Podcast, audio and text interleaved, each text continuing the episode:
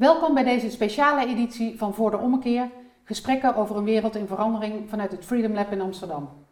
Mijn naam is Daan Rovers en we praten vandaag met de leden van Centrum Ethos over de recente maatschappelijke en politieke ontwikkelingen.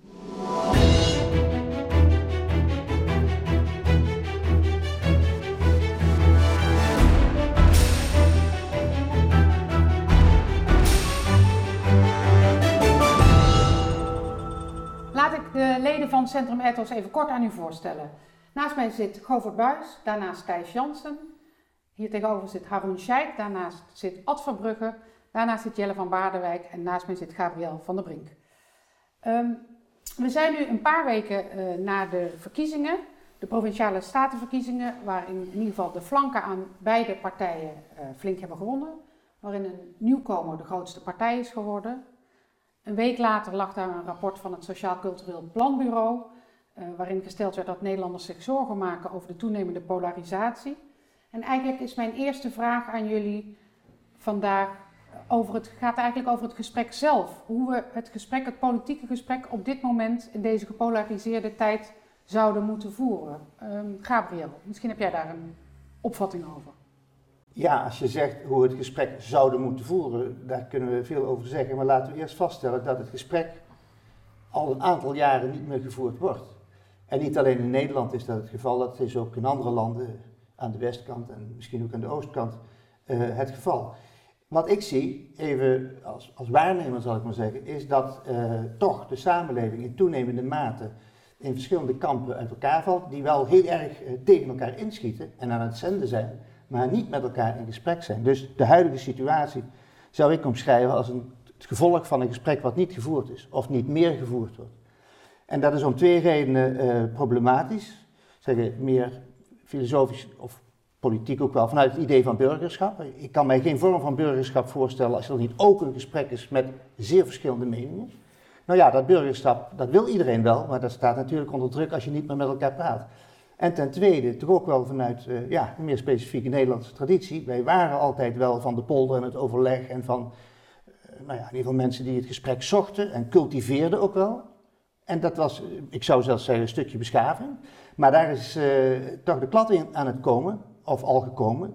Want zoals het gesprek nu gevoerd wordt, dat heeft daar weinig van weg. En dan, dan heb ik het nog niet eens over hoe dat op social media gebeurt, maar gewoon ook in kranten. Dus ik vind het wel uh, kunt zeker niet zeggen hoe het gevoerd zou moeten worden. En dan moet je ook zeker ingaan op wat er achter die uitslagen zit. Dus de, de, de belevingswerelden die in die electorale uitslag tot uitdrukking komen. Want je kunt het gesprek niet alleen maar over politiek voeren. Die electorale uitslag is de uitdrukking van iets. Maar voor je dat doet, moet je toch ook even vaststellen dat uh, ja, de manier die we hadden in Nederland en in de westerse wereld om democratie gestalte te geven, erg onder druk staat. Thijs, deel je die indruk dat het politieke gesprek verdwenen is eigenlijk? Dat het niet nou, ik proef een beetje een uh, soort idealisering van het verleden bij Gabriel, uh, die ik niet zo deel.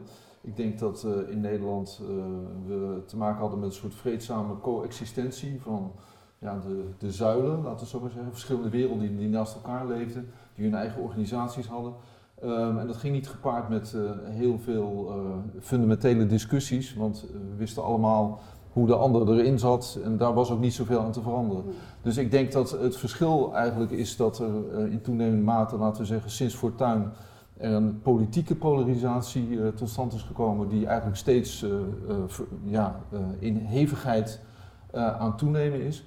Um, en ik denk dat zelf dat, dat het eigenlijk onvermijdelijk is, omdat je uiteindelijk door flinke polarisatie weer toe moet naar zeg maar, een soort balans. Dus ik, uh, ik geloof zelf niet zo in, laat maar zeggen, de, het filosofische perspectief van dat we als we allemaal goede argumenten gebruiken en uh, die, die op een behoorlijke manier met elkaar uitwisselen, dat er dan iets moois tot stand komt. Ik geloof meer in een ja, onvermijdelijke pluraliteit die er is. En dat, er, ja, dat ieder het zijne moet krijgen en dat er een soort balans moet zijn. Dus argument, argumentatie en debat is, is op zich prima, maar ik vind polarisatie vind ik, uh, ook prima. Alleen mijn kritiek zou zijn uh, op de, de huidige polarisatie, maar dat is eigenlijk inherent aan polarisatie, is dat uh, het wel heel erg uit de bocht vliegt. Daar zal ik straks ook nog wel wat over zeggen. En ik vind het soms te, op dit moment te ver gaan. En ja, dat kan je ook alleen maar een halt toeroepen door erop te wijzen dat je die kant niet moet kiezen, omdat polarisatie ook uiteindelijk zeg maar, een soort voorstadium kan zijn, naar mijn idee, van, ehm, ja, als ik het even heftig moet benoemen, van een burgeroorlog. Hè. Dus het, het, het, heeft, het hangt er erg van af hoe je polariseert. Hè. Je kan natuurlijk geen grens op polarisatie opleggen, maar de grens met uh, geweld, uh, en tussen geweld en polarisatie, die is naar mijn smaak dun. Maar, maar je zegt ook, er is ook een zekere herleving van, van botsingen die nodig is? Die is ook nodig, ja. Dat onderken ik zeker. Ja. Die is nodig.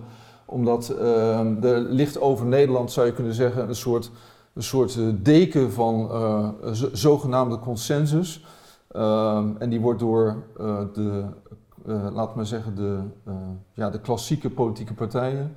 Ehm, ja, die hebben die zo verinnerlijkt dat ze daar geen afstand van kunnen doen. En ik denk dat er zoveel uh, inmiddels zoveel behoefte is aan uh, een andere politiek, aan andere keuzes, dat het goed is dat dat nu tot, tot uitdrukking komt. Maar uh, ja, van, van een situatie van enorm conformisme en die deken die er overheen ligt naar ja, met elkaar praten over waar we het niet over eens zijn, dat is een hele heftige maatschappelijke overgang. En daar nu mee te maken, denk ik. Ja. Jelle, zie jij ook, eh, waardeer jij ook die, die, laten we zeggen, die nieuwe politieke energie die er vrijkomt? Al is die nog wat uh, ongericht misschien?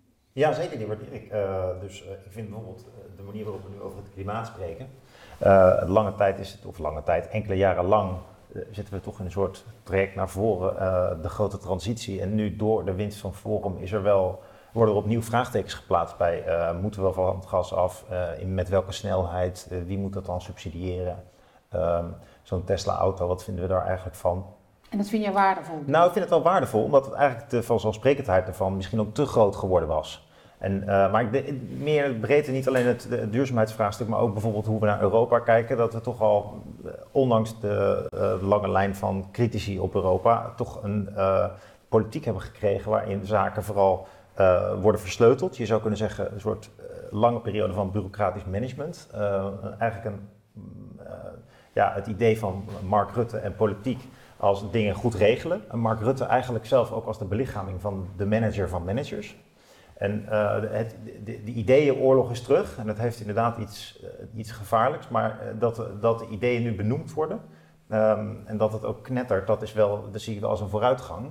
En dat het uit de bocht vliegt komt volgens mij ook omdat we lange tijd hebben gedaan dat veel van die vraagstukken gewoon uh, vanzelfsprekend worden opgelost. En eigenlijk een bestuursopvatting van politiek hebben gekregen. Een, een regelopvatting van uh, politiek, alsof het geen beslissingen zijn op het uh, thema van migratie, duurzaamheid, maar ook Europa.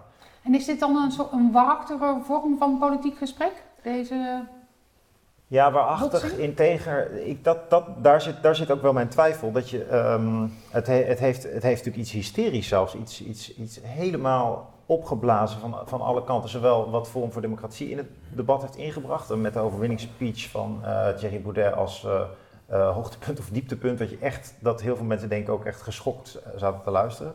Aan de andere kant, ja, dus de, de, de, verhalen zijn terug. Dus ik... Ja, dus ik zie de ambivalentie er wel van in. Van, uh, het, het, jammer is natuurlijk dat we elkaar nu weer voor racist, fascist of voor uh, linkshumanist uitmaken. Wat hebben die etiketten nu?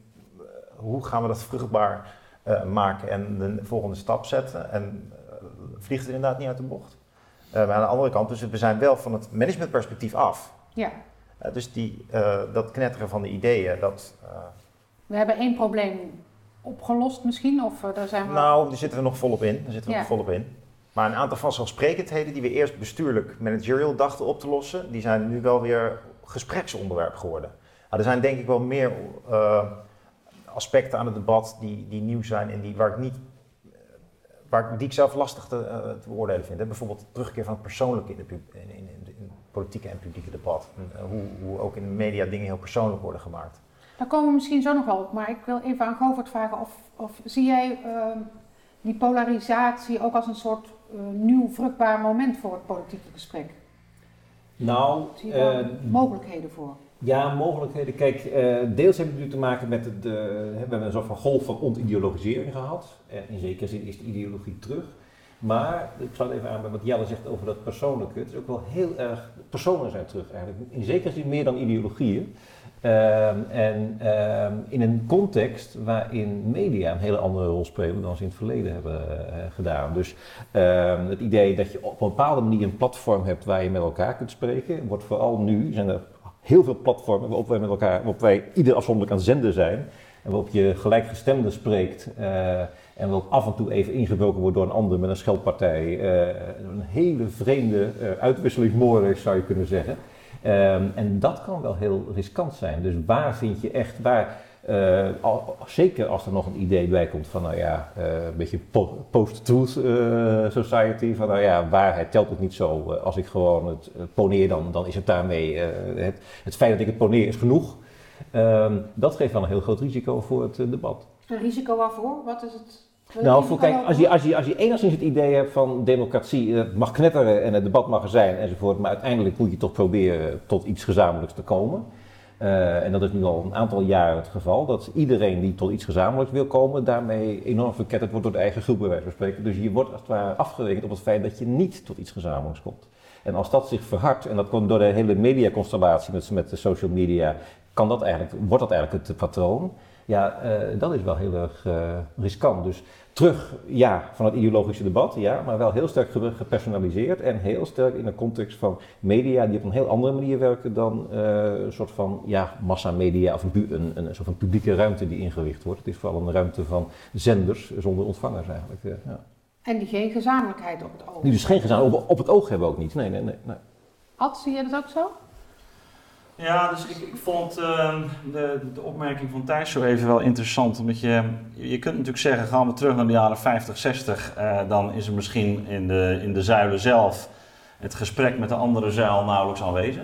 Hè? Maar je zegt, nou ja, de, de, elite aan de bovenkant, die weten dan uiteindelijk wel politiek ja. met elkaar te maken. Hè? Uh, de, dus de gedachteuitwisseling. Ja. dus dus Tegelijkertijd zien we natuurlijk dat, uh, je, je refereerde zo even aan Fortuin, maar ik denk dat wanneer we kijken naar eind jaren 60, uh, de tijd van de polarisering, uh, dat, dat je wel iets vergelijkbaars... Eind jaren 60, de polarisering? Ja, de polarisering eind jaren 60. dus dat is eigenlijk met de, de, de, de, de hippie-revolutie en vervolgens wat daar politiek mee, mee gebeurt. En dat je natuurlijk heel uitdrukkelijk ziet dat, dat de politieke ruimte, met name die van het de, debat is en het, het publieke debat. ook met, met de televisie die, en de radio die daar een belangrijke rol bij spelen. Dat is anders dan in de jaren 50 of in de jaren 30. Dus daar is die, we zien eigenlijk hoe technologie ook die dynamiek van die politieke ruimte uh, verandert. En dat is nu, uh, daar, daar, refereert Govert uh, ook aan, dat, dat, is nu natuurlijk nog veel sterker het geval, omdat we niet eens meer, laten we zeggen, de, de, de, bemiddeling hebben van redacties. Hè, maar je kunt onmiddellijk via Twitter of uh, Facebook uh, zelf in actie komen. En dat, dat hebben we ook gezien als een soort emancipatoire beweging. Hè, social media, de sociale media. Maar die creëren dus een ruimte waarin die onmiddellijkheid enorm belangrijk wordt. En ik denk een van de risico's die, we, die, die daar wel in besloten liggen, is dat uh, samen met het persoonlijke waar Govert ook aan refereerde, is dat er een, eh, eigenlijk een klimaat ontstaat waarin je eigen identiteit in sterke mate samenhangt met, wat je verbaliseert. Dat is wat je voortdurend naar buiten brengt. Uh, en dat dus groepen uh, daarbij, uh, dus ja, niet zozeer in hun moreel handelen of in hun feitelijke bestuur, maar gewoon voortdurend in wat ze zeggen, worden, ja, je zou kunnen zeggen, tot gelding komen.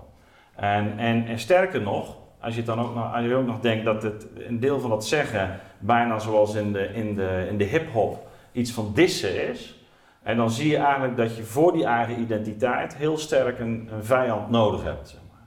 En dus dus, dus naast het inhoudelijke, de bekommernis om de zaak, kan het ook juist de noodzaak zijn van voortdurend eigenlijk een tegenstander nodig hebben die, die de eigen woede voedt. Maar misschien ook meer dan dat. Ik las vandaag het, uh, het verschil tussen conflict en polarisatie. Is dat een conflict eigenlijk een een meningsverschil is wat je op tafel kunt leggen en waar je in principe uit kunt komen, al onderhandelend of al redenerend. En dat polarisatie veel meer te maken heeft met groepen mensen die tegenover elkaar staan, ook met, met identiteitskwesties. Ach, exact, dus dat is eigenlijk ook wat ik bedoel. Dus, dat die, dus dat, wat, wat er gebeurt, is dat, er, dat de identiteit geconstrueerd wordt, ook in het debat, eh, in, in de morele stellingname en eventueel in de, de verkettering van de ander. Nou, zie dan maar eens een Dat gezamenlijke zaak. argumenteert lastig Ja, natuurlijk. Ja. dat- dan is het heel lastig om tot een, eh, ja, tot, tot een gemeenschappelijke zaak te komen. Omdat je voor je eigen positie zo sterk gebonden blijft precies aan die,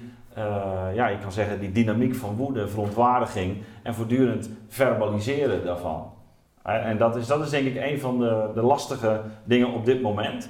En dat het dan dus ook niet meer gaat om een gedachtenwisseling in feite, maar om positiebepalingen in verhouding tot de ander. Haroon, hoe waardeer jij het publieke debat op dit moment? Ja, ik zou eraan toevoegen. Ik denk, ehm, ik denk inderdaad, debat op zichzelf is goed en dat meningen tegenover elkaar staan. Ehm, en dat, eh, dat dat nu een hele heftige variant neemt, aanneemt met, met hele sterke identiteiten, dat is denk ik ook duidelijk. Ik denk waar het problematisch in, hem vooral in zit, is dat dat in contrast met andere vormen van conflict of meningsverschillen of ideologisch debat, we het nu zien in de context van eigenlijk dat, er geen, dat we niet in dezelfde gedeelde wereld leven. Ja, deba- meningen kunnen heel sterk van elkaar verschillen, maar er, dat werkt, hè, democratisch gezien, op het moment dat je toch wel zegt van nou, er is een soort van gemeenschappelijke wereld, er is een bepaald aantal veronderstellingen, er is ook een idee van wat de gemeenschap is waar we in zitten en wat daarbij hoort. Ehm, en daar heeft natuurlijk hè, te- technologie een grote rol in te spelen. Wat social media heeft gedaan, heeft ons natuurlijk gewoon echt meer en meer in de filterbubbles in verschillende werelden doen leven. Ehm, maar ik denk ook eh, een hele set van allerlei maatschappelijke veranderingen die plaats aan het vinden zijn. Dat we gewoon echt allerlei parallele samenlevingen aan het creëren zijn. En op het moment dat je in zo'n situatie zit, dat, eh, dat, dat we dus niet alleen eh, verschillende meningen hebben, maar dat we ook datgene wat we beschouwen als de, de toetssteen waarin we met elkaar kunnen praten, dat ook verdwenen is. En dan wordt dus ook de persoon die spreekt zelf ook verdacht. Hè? Dan, is, dan hoeft dus iemand alleen maar tot een bepaalde groep te horen om geen legitiem argument meer te hebben. En dat is denk ik het moment waarop dialoog ophoudt. Maar Ja. kun je eens laten zien hoe dat eruit uitziet? Is dat een idee wat we hebben dat we geen gemeenschappelijke wereld meer hebben? Of is dat eh, in de werkelijkheid zo? Hoe, Daar, hoe daar- bedoel je daar- dat? daar wil ik even iets empi- empirisch inbrengen. Ehm, ik zei niet, net voor- niet voor niks het gesprek dat niet gevoerd is. Wat we zien is dat de voornaamste scheidslijn in Nederland en andere moderne werelden is toch hoog en laag opgeleid. Dus hoogopgeleiden hebben inderdaad niet bewust hun wereld gecreëerd hoor, zo bewust gaat het al niet, maar die hebben hun eigen wereld gekregen. Dat is zo gemerkt door allerlei ontwikkelingen. En die leven ook in hun eigen wereld. En laagopgeleiden leven in hun wereld. En dat is natuurlijk ook nog wel een middenklasse, maar het gaat erom dat die werelden van de laagopgeleiden, die overigens vaak van de staat afhankelijk zijn voor allerlei uitkeringen, en hoogopgeleiden die in hoge mate zelfredzaam zijn, dat die twee werelden, mentaal, cultureel, moreel, sociaal, heel erg eigen, een eigen sfeer hebben. En ook niet zo erg in geïnteresseerd zijn in elkaar. Hm. Dus het is helemaal niet raar dat hoogopgeleiden met een zekere minachting kijken naar mensen in slechte buurten die te dik zijn en niet succesvol zijn. Ja, ach, weet je wat, de meritocratische, die hebben dat gewoon niet goed gedaan, die mensen. Dat is natuurlijk vervelend, maar dat is eigenlijk zeker hun eigen schuld. Dus dat liberale denken, dat sluit heel erg aan op die hoogopgeleiden. En de laagopgeleiden die meer van de collectiviteit leven en moeten leven en ook waarschijnlijk willen leven, ja, eh, hoe komen die aan het woord? Nou, het antwoord is heel eenvoudig, die komen de afgelopen tien jaar helemaal niet aan het woord omdat de politieke ruimte in hoge mate wordt bepaald, of het nou links of rechts is, door hoogopgeleiden die hun wereldvisie en hun moraliteit en hun waarden inbrengen. En mijn vraag is dus aan die mensen, aan die bestuurlijke elite, welk gesprek heeft u gevoerd met de anderen? En dan is het antwoord niet. Maar is die kloof groter geworden? Yes. En hoe, Ja. waar zit hem dat in? Zitten er meer hoogopgeleiden in de politiek of is het een ander probleem? Ja, ik, denk, ik, je denk in dat het, ik denk dat het karakter ook anders is geworden van de, de type relaties die we nu Ja. hebben maatschappelijk. Hè? Dus we hebben enerzijds zeggen we juist van hè, er- zijn helemaal geen onderscheidingen. We hebben niet een idee van. Wie zegt dat? Nou ja, in de zin van dit is de leidende cultuur, we moeten ons zo gedragen. Of als welvarende mensen, goede burgers, dat zijn dit soort mensen. Daar staan we heel publiekelijk, heel liberaal tegenover naar elkaar.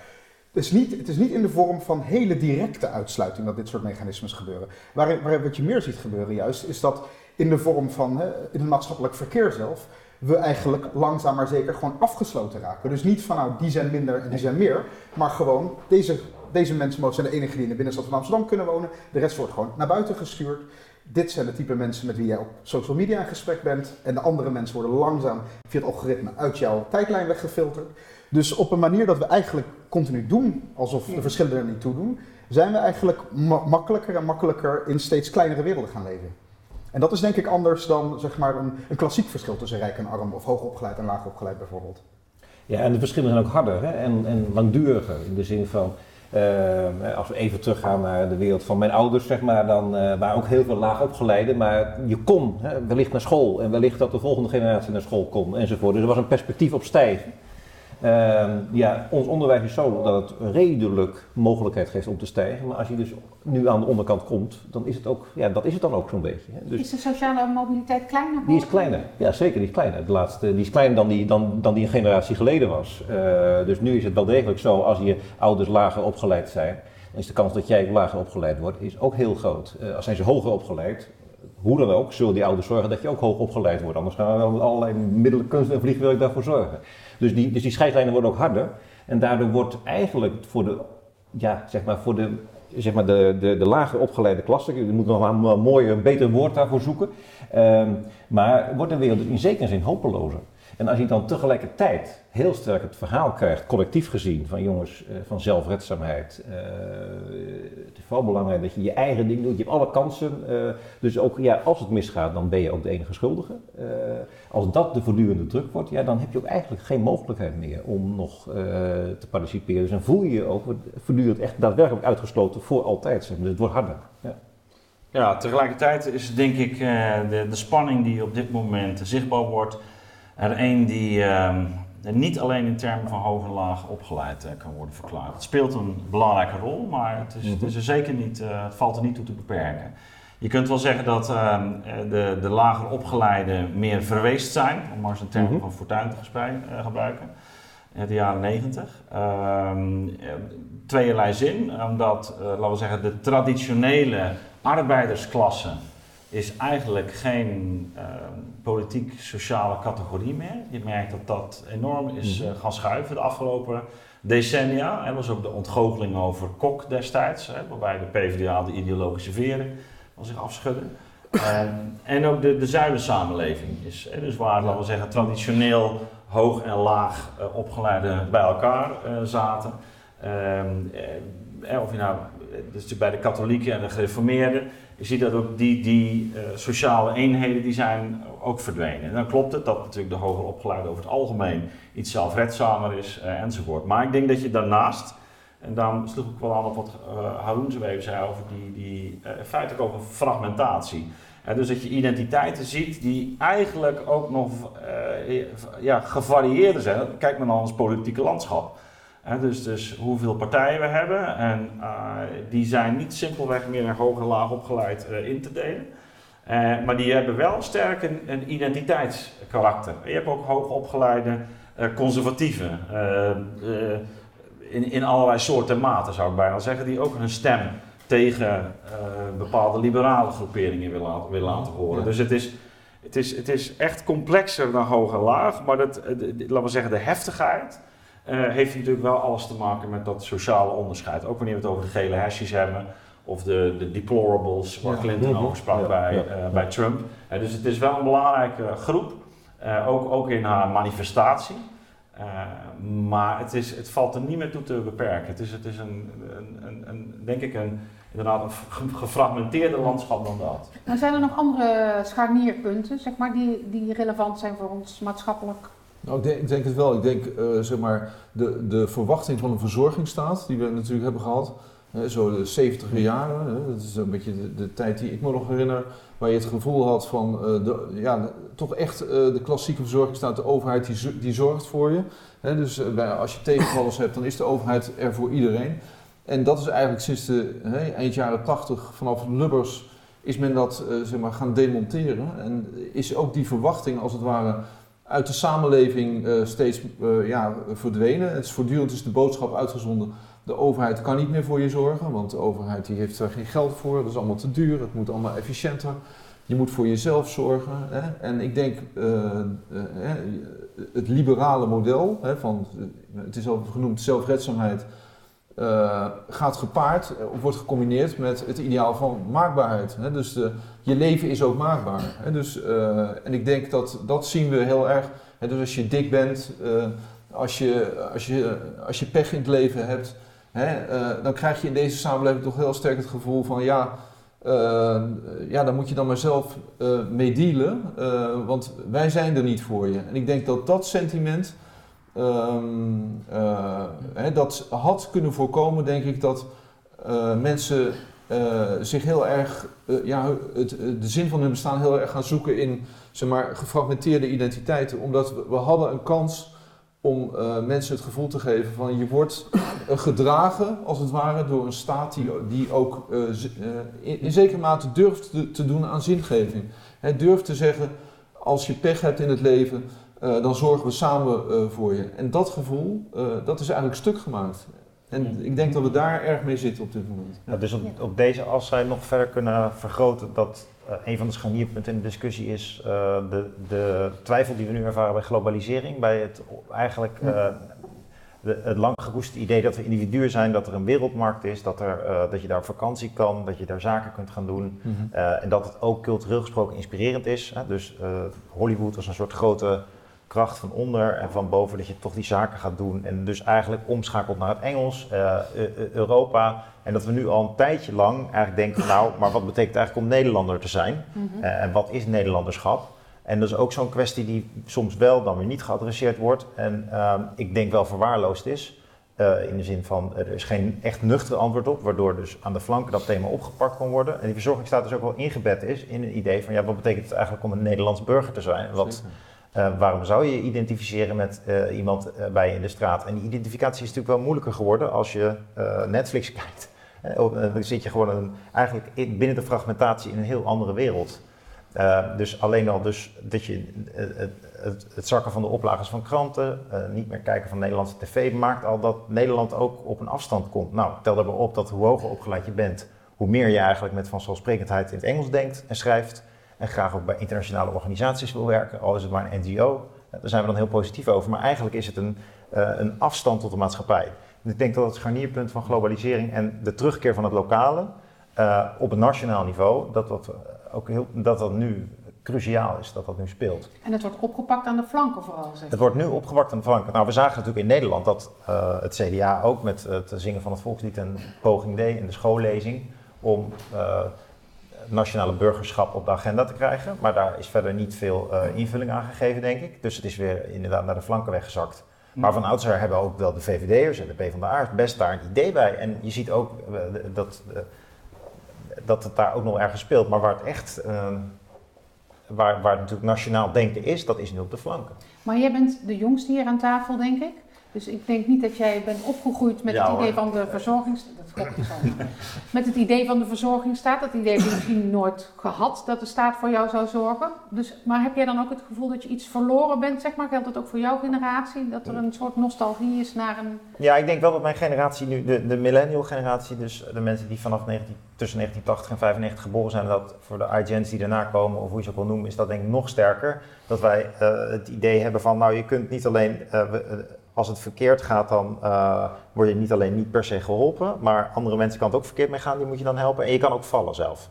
Eh, dus een, de, vooral, vooral, eigenlijk dat, vooral eigenlijk dat laatste is denk ik belang, belangrijk nu ook in de verklaring van eh, problemen rondom jezelf zoeken en burn-out. Van, ja, het idee van ik moet zo blijven presteren om überhaupt mijn positie te kunnen handhaven. Dus de fear of falling. En dat is ook een breder fenomeen. Dat zie je ook in Frankrijk en Duitsland. Dus het is niet, het is niet alleen maar Nederlands, maar het heeft wel te maken met dat je eh, toch steeds als generatie het gevoel hebt van, nou ja, het is eigenlijk al heel mooi als ik een huis kan kopen en een auto kan rijden. En eh, als ik dat wil handhaven, dan, eh, dan moet ik daarvoor vechten. Terwijl het gevoel van vanzelfsprekendheid, eh, als het verkeerd gaat, word je wel geholpen, was misschien groter Maar de- ja, generatie die tien jaar ouder is. Is misschien wel mooi, want wat hier natuurlijk ook naar voren komt, is een soort ademnood. Hè? Van, er, zit iets, er zit iets van paniek.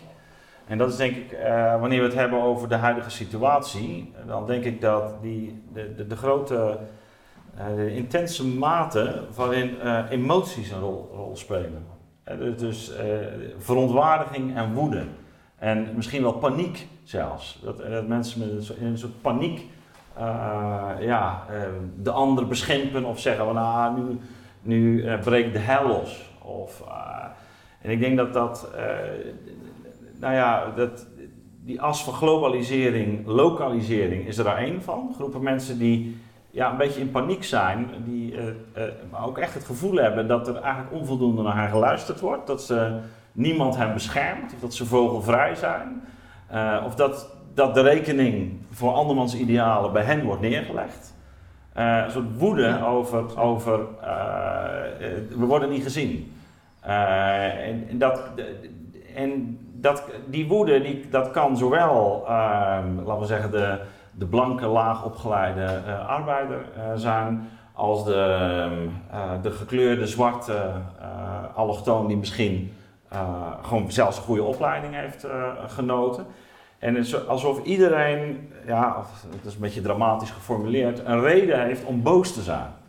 Eh, dus eh, ze hebben het al over de boze witte man, maar er is ook een boze Ja. eh, zwarte mannen. En, eh, nou, en die woede, eh, eh, die heeft te maken met een soort van onveiligheid. Ja. Beschrijf je hier zoiets van de, de gele hesjes, of althans de Franse gele hesjes, die, die laten we zeggen, die... die Ja, maar het zit, ja, zeker, maar het zit ook in het identiteitsdebat, het zit ook in het MeToo-debat. Iedereen is verontwaardigd, boos, voelt zich tekort gedaan. En, eh, de- de- en, en er worden dus ook heel duidelijk daders aangewezen.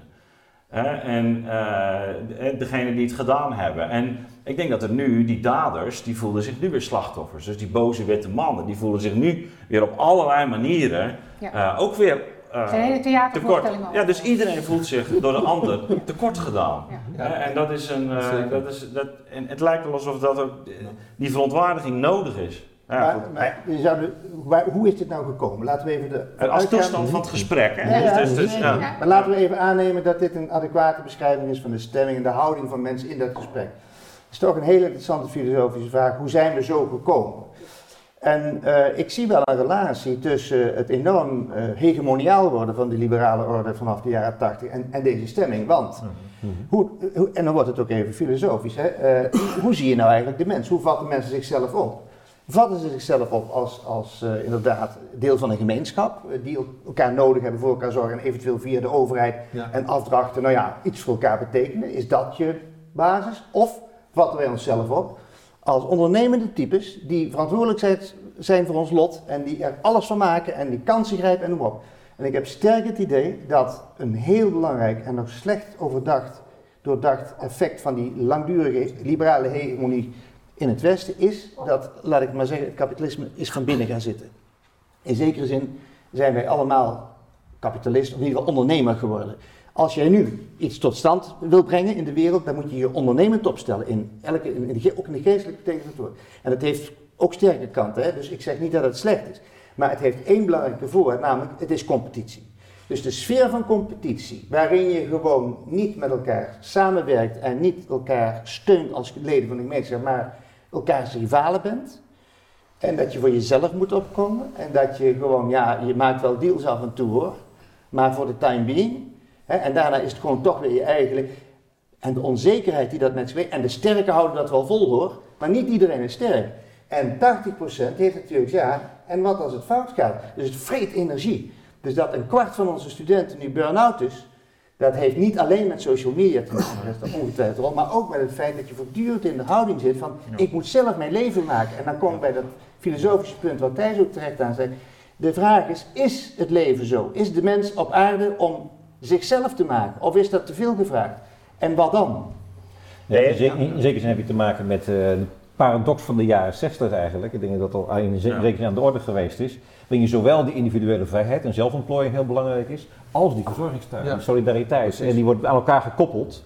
En, in, en gek genoeg ook met een, de, de hele marxistische inslag die je dan krijgt, waarin je de mens primair definieert in termen van belangen hè, die die heeft. eh, en eigenlijk materiële belangen. En gek genoeg zie je, dat is een van de meest curieuze monsterverbonden in de geschiedenis, eh, dat je vanuit dat, die hele solidaire marxistische toestand ineens omslaat naar dat neoliberale. En zo verschillend is dat in wezen niet. De definitie van de mens is heel vergelijkbaar in, in wezen. Van, Ja. ja, Leg eens uit. hoe op, nou, omdat je de mens definieert in termen van belangen.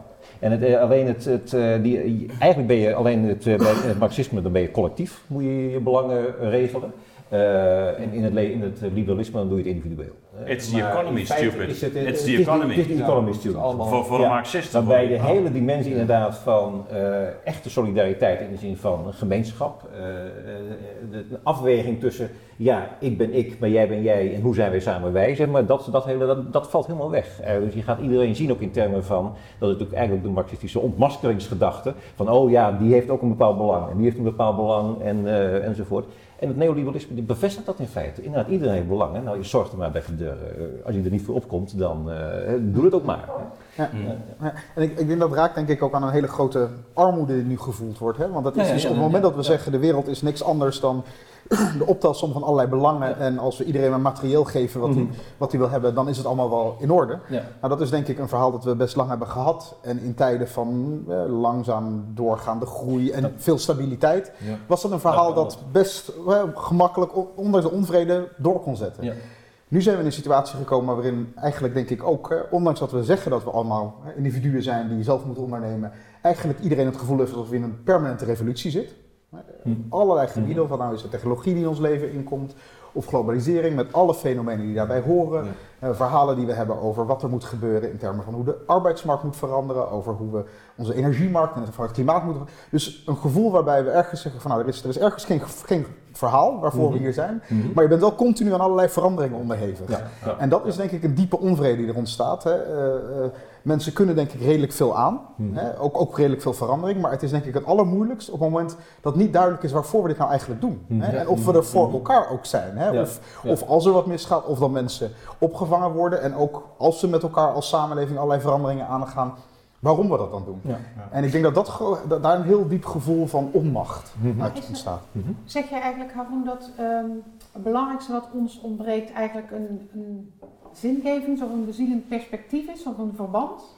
Ja, ik denk, in, in een tijd van al die grote veranderingen, dat er ergens ook een verhaal moet zijn van nou, als we veranderingen doorgaan, waarvoor doen we dat dan met elkaar? En, maar ook wat blijft er hetzelfde? Hè? Eh, ik denk wat we nu heel veel meemaken is dat we dus, eh, eh, er, er verandert heel veel om ons heen. Je hebt een, een, een deel dat zal zeggen, nou, dat moeten we ook allemaal maar accepteren. Accepteer het maar, ren maar mee. En als je het niet redt, nou ja, dan ben je eh, eh, te beperkt misschien. Ehm, en dat is denk ik iets wat, omdat er geen idee is van waarom we dat dan zouden moeten doen, een hele diepe noodzaak vraagt om voor mensen om een gevoel te hebben van ja, maar wat voor controle hebben we hier nog over? Waarvoor, wat, wie zijn wij als. En ik denk dat is een van de grote fenomenen die denk ik in eh, wat we dan populisme wel veel plekken noemen, ziet, is dat het in ieder geval de schijn van controle weer teruggeeft. Dus, dus letterlijk, hè, Brexit taking back control. Mhm. Hè, Mhm. Symboolpolitiek om een Ja. muur. Dat, Ja. Het is niet zo dat die muur zelf wat gaat doen, maar de muur is heel symbolisch. Van, hè, Nou, er is van alles wat veranderen. ja. En het geeft weer het idee, we kunnen weer controle hebben over de situatie die nu over ons heen wordt uitgestort, Ja. zonder dat we weten waarvoor we dit doen. En ik denk dat het gebrek aan toekomstperspectief, zeg maar, zegt van nou ja, dat, we kunnen dat op die wijze kunnen we dat doen. Dat kun je enigszins opvangen als er een heel sterk besef is van, nou ja, als het mislukt, we zijn er in elk geval samen voor. We, houden, hè, dan, eh, we zorgen dat we op een bepaalde manier, maar als dat er niet is, dan hebben de mensen dus echt heel sterk het idee van, nou ja, ik sta er ook helemaal, helemaal eh, alleen voor, zeg maar. Dus dan eh, is dat ook dat de bereidheid om stappen te maken, die kunnen we haast niet, niet vragen van, van de mensen. Ja, we komen dan in feite gewoon toch op die as ook van weer verglobalisering Mhm. en, en lokalisering ook. Hè. Dus wat die kan natuurlijk zeggen, eh, globalisering is voor een deel natuurlijk ook als een proces eh, verkondigd de afgelopen decennia, dat dat onvermijdelijk is. Mhm. En, en, en voor een deel is het natuurlijk ook Mhm. gewoon zo. Hè. We hebben te maken met een eh, economisch, financieel proces waarin die verwevenheid van markten evident is, technologie eh, die ons in staat stelt om in, eh, ook eh, transacties aan te gaan, maar ook gewoon kennis te nemen van allerlei eh, informatie over heel de wereld. Tegelijkertijd hebben we toch ook te maken met een institutionele orde. Instituties. En die instituties hebben natuurlijk ook lange tijd een, spoor gevolgd, in ieder geval de dominante in het Westen. Van nou ja, oké, dan, dan, dan ontgrenzen we. Die grenzen moeten open, vrij verkeer. En, en daar hoort dan inderdaad dat, dat individu bij, eh, dat zelfredzaam is en zijn kansen pakt. Hè, of het nou de nieuwe economy is, eh, enzovoort. En ik denk dat wat, wat, er, wat er toch gebeurt is, ehm, ja, daar, daar, eh, op allerlei manieren brengt dat eh, onveiligheid en onzekerheid met zich mee. Heel elementair. Je zou kunnen zeggen dat is de, de, de, de, de traditionele legitimatie van de staat heeft alles met veiligheid te maken. Hè, dus, dus dat is de, dat is de, en bij Hobbes natuurlijk op een hele, hè, dat is ook fysiek. Eh, maar heeft met veiligheid te maken. En, en uiteindelijk ook met, met zoiets als eh, nou ja, gemeenschap. En eh, gemeenschappelijkheid, collectiviteit. En ik denk dat het risico van eh, het, het discours rond globalisering is dat het eh, in feite een, leidt tot een, een soort, eh Haroon noemde onmacht, maar een gedepolitiseerde eh, publieke ruimte. Van ja, ja, daar kun je niks aan doen. Hè? Dus, eh, daar kun je niks aan doen. Onvermijdelijk. Ja, daar kunnen we niks aan doen. En dan is het natuurlijk, eh, de vraag is, is dat echt zo? Hè? Want jij zei ook de schijn. Kijk, op het moment dat, dat we echt niks meer kunnen doen, is politiek ook niet meer nodig. Hè? Maar Politiek heeft altijd de potentie dat, dat, we, dat, dat er iets te doen valt. Ja. Dat er ruimte ingericht kan Ja. worden. Dat er, Mm. dus, dus de vraag naar de, hoe richten we dat dan in? Ja. Hoe geven we dat dan vorm? Is juist het gesprek als je dat, dat je moet voeren. Dit is dus het gesprek van, oké, we hebben dus te maken met die globaliseringstendens, maar dan nog de vraag, oké, maar wat, hoe willen wij dit voeren? En op het moment dat dat, eh, dat gesprek eigenlijk verdwijnt, eh, ja, dan is het eh, heel verleidelijk dat mensen raken in paniek eh, en dan worden ze ook vatbaar voor, voor de stem die zeggen, ja, dat kan wel. Eh, en, en dat is niet helemaal onwaar, want het kan ook. Tuurlijk, die vraag moet ook gesteld worden, zou ik zeggen. Ja, maar ik vind het dus verbijsterend dat, ehm, zeg maar, hè, dus, eh, al die onzekerheid. Hè, dan kan je je goed voorstellen dat er een vangnet nodig is. Hè. De, de- mensen hebben behoefte aan een vangnet. Hè, dus hoe groter de onzekerheid, hoe eh, meer je behoefte hebt aan dat je ergens op terug kan vallen. Dan kan je veel meer onzekerheid verdragen.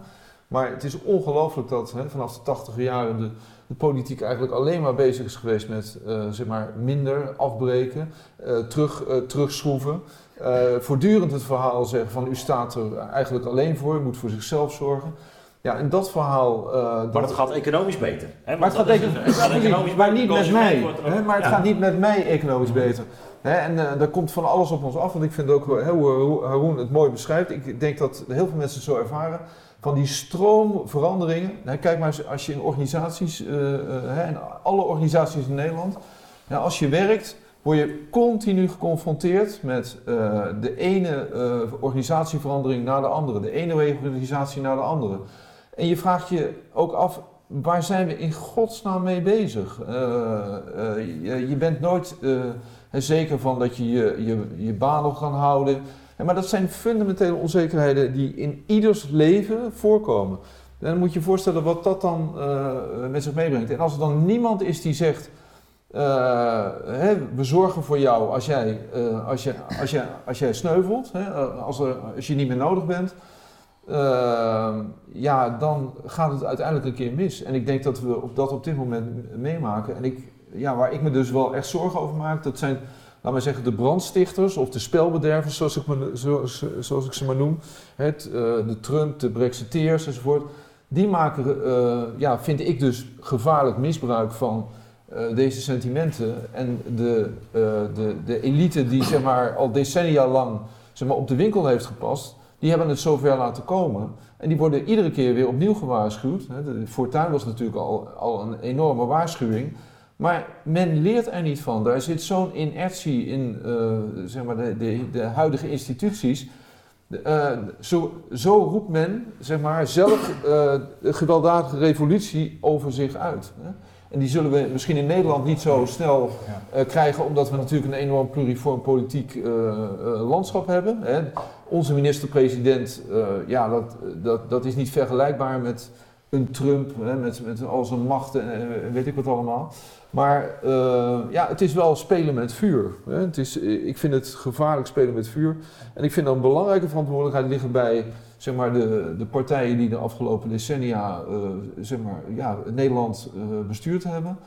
Eh, maar die, moeten, ja, die, die, zijn nu ook aan de bak. Maar Die zijn nu ook Je kunt het ook, ja. je kunt het ook Ja. omdraaien. Hè? Is Ja. dat een deel van de verantwoordelijkheid ook ligt bij eh, de elites die eh, het goed doen in, in de geglobaliseerde wereld. Dus ik even aanhakend bij het eh, verhaal van Ad net de interpretatie eigenlijk van globalisering ook als een voor een deel, je zou kunnen zeggen, cultureel of ideologisch proces. Ja. Dus het gaat niet alleen maar over economie. Zeker niet. En, dus, Nee. eh, en in die zin is er ook wel degelijk heel veel geïnvesteerd. Bijvoorbeeld in eh, opleidingen die verwachtingen meegeven aan mensen. ja. Ehm, en daarmee haak ik ook in op dat. eh, de, de, kijk, veel mensen zijn ook een concurrent voor zichzelf geworden. Ook aan de, aan de, de progressieve kant van het politieke spectrum. In de zin van dat ze zelf hoge verwachtingen van het leven hebben gekregen. Ja. En denken straks ergens te gaan besturen, manager te worden, Zeker. bij een internationaal bedrijf te gaan werken. Eh, dus het is niet alleen maar kapitalisme, hoewel ik dat ook wel onderschrijf. Het heeft ook te maken met eh, bijvoorbeeld hoe we vrienden zijn gaan definiëren en de inflatie van ons heel begrippenkader. Dus wel van hoe Ja. we vrienden erbij zijn gekomen, wat, wat we tegenwoordig onder racisme verstaan, hoe snel we die kaart spelen. Ja. Eh, dus, eh, en eh, de Wat bedoel je teleurstelling. daar precies mee? Wat, wat, Nou ja, wat goed. wil je daarmee zeggen? nou, bijvoorbeeld bij racisme, kijk, vroeger was het natuurlijk zo dan op basis van iemands huidkleur dat je dacht, dat, dat is een inferieure persoon, die heeft mindere graden aan menselijkheid. En tegenwoordig als iemand jou alleen maar aanspreekt op eh, je huidskleur, of dat je Marokkaans of Turks bent, nou, racist. Hè, Zwarte Ja. Piet. Zwarte, Zwarte Piet is racisme, kick-out Zwarte Piet. Ja. Kijk, dat zijn, eh, dat zijn, de helft van Nederland, de status quo is dat de helft van Nederland boos is over dat gegeven dat sommige mensen zeggen dat Zwarte Piet racisme is. Dus ergens ligt in ieder geval sociaal, sociologisch gezien denk ik de waarheid in het midden. De, de ene helft wil er in ieder geval aan vasthouden, juist omdat anderen zeggen dat het een racistisch ritueel is. Dus die begrippen zijn heel zwaar gemaakt en de verwachtingen dat anderen jou ook niet beledigen, rondom eh Zwarte Piet discussie dan nu even als voorbeeld, zijn ook wel heel groot. Dus mensen zijn ook, eh, en dat is denk ik ook op beroepsniveau zo. Ik denk dat ook dus niet alleen Trump en Brexit en, en Forum voor Democratie, maar we zien ook aan de kant van GroenLinks en D66 een heel hoog opgeleide eli- elite eigenlijk. Hè. Je, mensen van tot de 40 met torenhoge verwachtingen van het leven, die er ook wel echt bij gebaat zijn dat het project doorgaat. En, en, en allerlei vragen rondom lokalisering in Nederland ook niet willen stellen.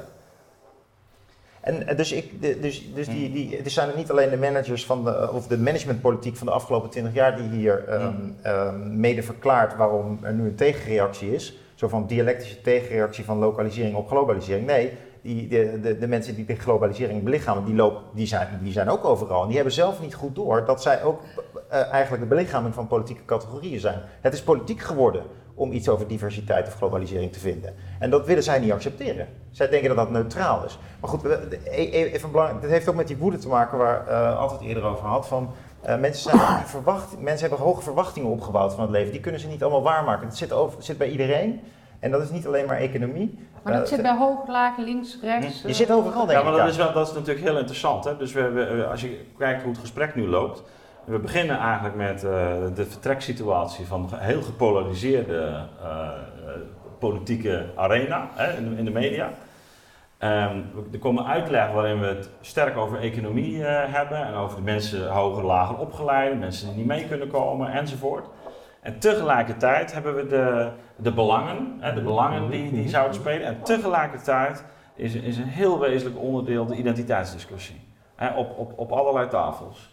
Hè, of het nou inderdaad die, dus, dus de, de, de vraag is hoe dat die zich. Ja. Ja, dus die vraag Ja. is hoe die zich nou tot elkaar Ja, verhouden. want zijn dat, zijn dat twee dimensies? Kijk, de, de, de, de normale, dit zaten we ook een beetje in dat frame in dit gesprek, waar een klein beetje van die identiteitsdiscussie is een reactie op, de, op die economische deprivatie of eh, onzekerheid eh, enzovoort. Ja, dat is nog maar een vraag. Dat, ja, precies, dat is, Dat dat, is dat, maar een is vraag. exact de vraag. Ja. Moet je zeggen, dat is eigenlijk een afzonderlijke dimensie die daar nu nog meer los van staat. En die ja, eigenlijk met, te maken heeft met, met, met al die verwachtingen over het leven, de zindimensies enzovoort. Dat je dat, eh, dus dat die woede dus die- is. Fundamenteler dan economische, Ja, Ja. maar kunnen zeggen. Dus er- dat is, zijn nu al een paar Ja. verschillende assen langsgekomen Ja. waarop de Ja. tegenstellingen Mhm. zich duidelijk manifesteren. Mhm. We hebben het gehad over individu versus gemeenschap. We hebben het gehad over nationaal, eh, internationaal of globaal, lokaal. Mhm.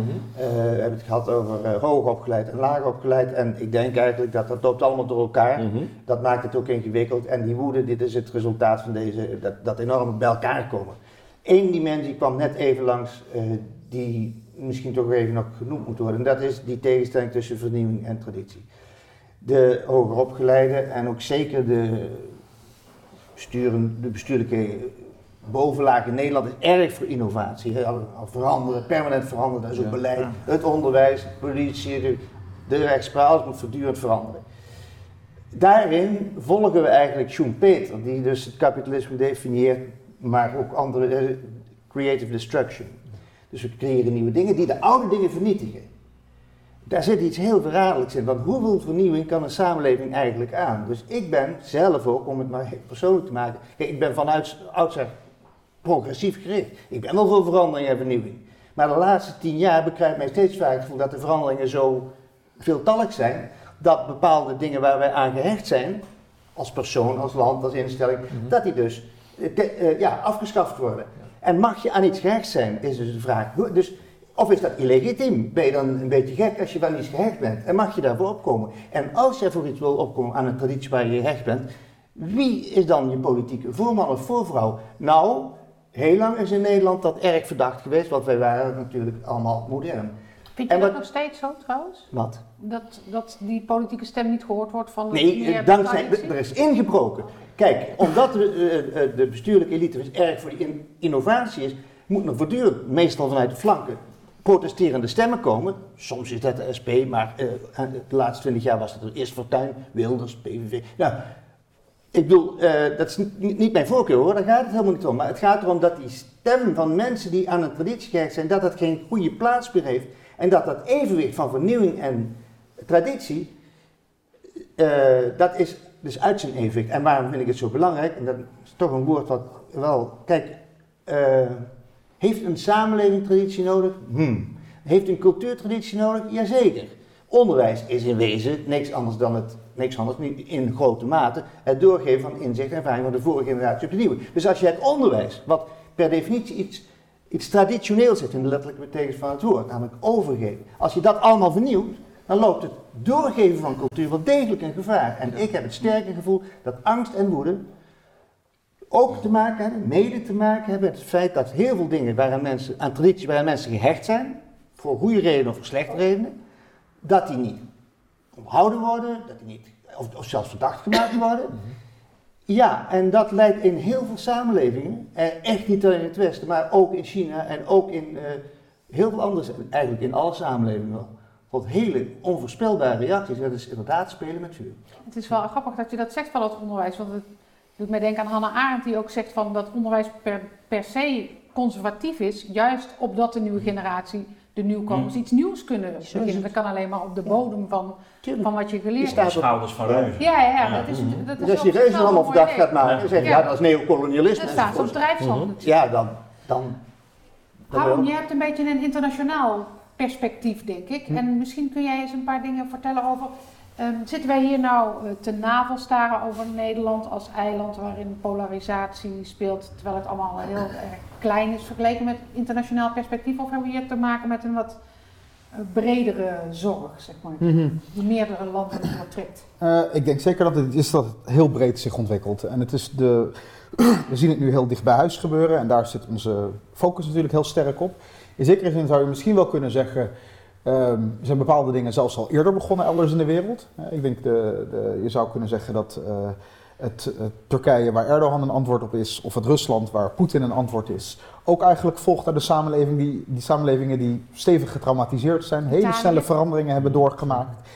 En, eh, en de hele combinatie van populistisch leiderschap, een bepaald conservatisme, tegelijkertijd ook een hele sterke alliantie met zakelijke elite, dus die, diezelfde bijzondere gekke combinatie die ook in Trump naar voren komt. Ehm, zou je kunnen zeggen, misschien zelfs hebben een aantal landen het daar al eerder meegemaakt. Eh, eh, een land als China natuurlijk niet, eh, heeft niet een, een democratische traditie, dus daar speelde het niet op die manier. Maar even goed daar zie je denk ik een samenleving die zo extreem snel veranderd is, dat hè, zelfs het, het, het meer bureaucratisch georganiseerde China ook wat meer hè, de eigen tradities, vastigheid van bepaalde waarden, eh, stabiliteit in de samenleving, harmonie, heel sterk naar voren aan het schuiven is. Dus ik denk dat het een fenomeen is dat misschien zelfs al wat eerder in andere delen van de wereld te ervaren is. En dat wij door, denk ik, een lange periode van eh, economische welvaart, dat eigenlijk dat proces wat, wat- later hier is, is, eh, is doorgeslagen. Ehm, maar het is nu dus heel extreem, denk ik, in, in het Westen ook echt aan de gang. Hè? En Brexit, Trump, het is natuurlijk al eerder genoemd. Ik denk dat belangrijk is om te zien dat, dat die, die- ik noemde eerder de term van eh, schijncontrole. Ja. Ehm, ik denk dat het mogelijk is en nodig ook is dat samenlevingen ook wel degelijk zeggen van we kunnen zelf vormgeven aan globalisering. Dat, dat Hm. kan, sterker nog, samenlevingen die het, die, die het goed doen, die slagen, hebben dat juist. Hè. Daar is heel duidelijk een idee van wat is het landsbelang, eh, hoe, hoe kijk, waarop zijn we open in, in markten, waarop niet. Ehm, alleen de gekke situatie die we nu krijgen, en dat is denk ik echt ook de, de, de, de, verlamming die je nu in westerse samenlevingen ziet, is dat het op een hele rare manier tot uiting komt. Dus er is een soort eh, een, een leider die claimt wel controle te nemen, maar op een manier die uiteindelijk geen, niet de echte vraagstukken aanpakt. Dus in Brexit is iedereen het er wel over eens dat we een soort van controle moeten nemen. Maar er is, er is buiten het feit dat May maar moet blijven zitten en dat we niks gaan doen, is er nergens consensus over te brengen. nee. En, en Trump even goed. Hè? Ik bedoel, eh, eh, het is natuurlijk. eh, de muur en, en, en migratie is, is het thema dat hij aanpakt. Maar tegelijkertijd voert hij natuurlijk ook wel weer de belastinghervorming door. Die die mensen die op hem gestemd hebben nog meer in de kou zetten. Dus dat is denk ik de, de, de, de, verlamming die erin zit. Het, het komt uit een plek, uit een behoefte die denk ik heel reëel is. Maar de vorm die het nu in ieder geval in Amerika, in eh, eh, Engeland, in Italië aan het aannemen is, is een, is een verlammende. Maar dat is eigenlijk ehm, niet per se geruststellend. Dat wil zeggen, het is een, een juist signaal. Maar eh, ik las laatst een stuk van eh, Alessandro Barrico over Italië. Hij zei, we hebben al twintig jaar populisme. Luister nou, nou, naar ons als je wil weten hoe dat gaat. En, en het probleem is niet dat het wantrouwen verdwijnt in de samenleving. Maar het wantrouwen zijpelt verder door. In plaats van alleen de politici worden ook de wetenschappers gewantrouwd. En zelfs de onderwijzers op de lagere school. Dat, dat gaat daar, tenminste volgens hem, alleen maar dieper Ja. zitten. Ja, Dus Maar- de diagnose is misschien goed, maar, maar de oplossing ja. is... Nou ja, Nee, maar kijk, je, hebt wel, je hebt een aantal dingen. Kijk, even een landsbreken voor de elites. Kijk, die, eh, Wie zijn de elites eigenlijk? Nou ja, hè, zeg maar wat wij in de laatste jaren zeggen van nou ja, dat is eh leidende figuren in het bedrijfsleven en politiek enzovoort. Ik bedoel, Die, eh, die hebben wel natuurlijk gezien dat je in een globaliserende context, dat het inderdaad daadwerkelijk een andere context is. En dat je, nou ja, ik, bijvoorbeeld dus wat ik graag geef is van Nokia en je mist even één technologische afslag en je bent weg als eh, eh, superleverancier van eh, telefoons. Het gaat ook ontzettend snel. Dus men heeft wel gedacht van ja, dan moet een bepaalde ja, flexibiliteit, we moeten dat anders inrichten enzovoort. En dan is na het volledig die vernieuwing, dat wordt, het gaat ook een soort van eigen hype karakter. Maar er zit wel iets in dat je iets moet doen. En je niet kunt zeggen, Nederland is niet meer van de, dat geldt in geen enkel land, is niet van, van, van de jaren 50. Ehm, en daar zit wel heel weinig creativiteit in. Ehm, dus ehm, ja, bij vakbonden bijvoorbeeld, hè, die zijn ook heel sterk in die richting van, nou, dit zijn de belangen. Terwijl je kunt zeggen van, luister eens, eh, waar hebben mensen echt belang bij als een bedrijf een sector sluit? Eh, er komt een andere sector op, is omscholing. Nou, waarom organiseer je de verzorgingsstaat niet in zo'n zin dat je zegt van elke zeven jaar, elke acht jaar heb je een jaar, dan mag je omscholing doen. In plaats van wat, wat wij doen in ons land bijvoorbeeld, maar eigenlijk wereldwijd, is onderwijs maken wij verschrikkelijk duur als je dat naar de tand doet. Dus je kunt ook geen kant meer op daarna. Eh, vandaar die keuzes worden voor de jongeren ontzettend belangrijk. Als ik het nu gekozen heb, dan eh, enzovoort. Dus we, we richten het totaal niet in in de juiste slimme combinaties van inderdaad van inderdaad je moet op een bepaalde manier rekening houden dat die wereld anders is en geglobaliseerder enzovoort. Maar daarin moet je op een hele nieuwe manier die solidariteit vormgeven. En dat kan heel goed. En daar wordt nauwelijks creativiteit aan besteed. Eh, het is, dus je komt meteen in een positie van verdedigen wat er is, versus een radicale vernieuwing en afbraak. En dat is het ongeveer. Terwijl, eh, En in, in bepaalde domeinen zijn die tradities, eh, dat die, die as van traditie en vernieuwing vind ik wel heel mooi. En dat zie je ook internationaal volgens mij niet per se. Nou, als je zegt van het is belangrijk dat ze zomaar terug zijn. Dus bijvoorbeeld de verhouding man-vrouw. hè. Dus we Mhm. hebben op zich een lange geschiedenis in Nederland van een best wel geëmancipeerd idee van de vrouw. Eh, maar toch is er wel behoorlijk wat veranderd. Maar meer over een periode van 50 jaar. Waarin de vrouw eh, eigenlijk ook gewoon meewerkt. En eigenlijk het gezinsleven ook heel negatief gezegd geliberaliseerd. Want het zijn productiemiddelen en je moet allebei werken om je eh, huis te kunnen betalen en je auto te kunnen rijden en de kinderen naar school te kunnen sturen. Maar het is ook die verwachting weer. Je bent allebei, je wil je ontplooien, je wil werken. En dat heeft ook te tussen man en vrouw. En de onrust thuis, eh, eigenlijk denk ik heel normaal gemaakt. Eh, Waar het vroeger vanzelfsprekender was en misschien ook wel onderdrukkender. En dat we er wel vooruit zijn gegaan. Maar er is ook wat, je kunt nu ehm, de flirts van, van Trump, maar ik denk ook wel van eh, Baudet in Nederland en ook wel van Poetin met, met, met mannelijkheid.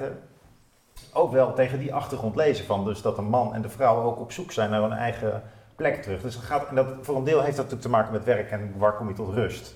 Zodat je hard kunt werken. Dus het is ook wel een kapitalisme vraagstuk.